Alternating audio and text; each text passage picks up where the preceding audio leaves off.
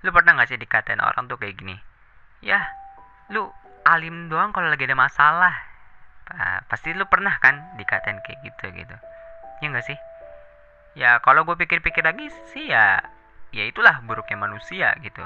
Tapi kalau kita lihat dari sisi lain yang gue pikirin gitu, setidaknya ya seseorang tuh masih sadar dan tahu tempat untuk kembali kepada Tuhannya. Ya kayak berdoa, mengingat, memohon, meminta maaf, berserah diri kepada Tuhan ya itu sih.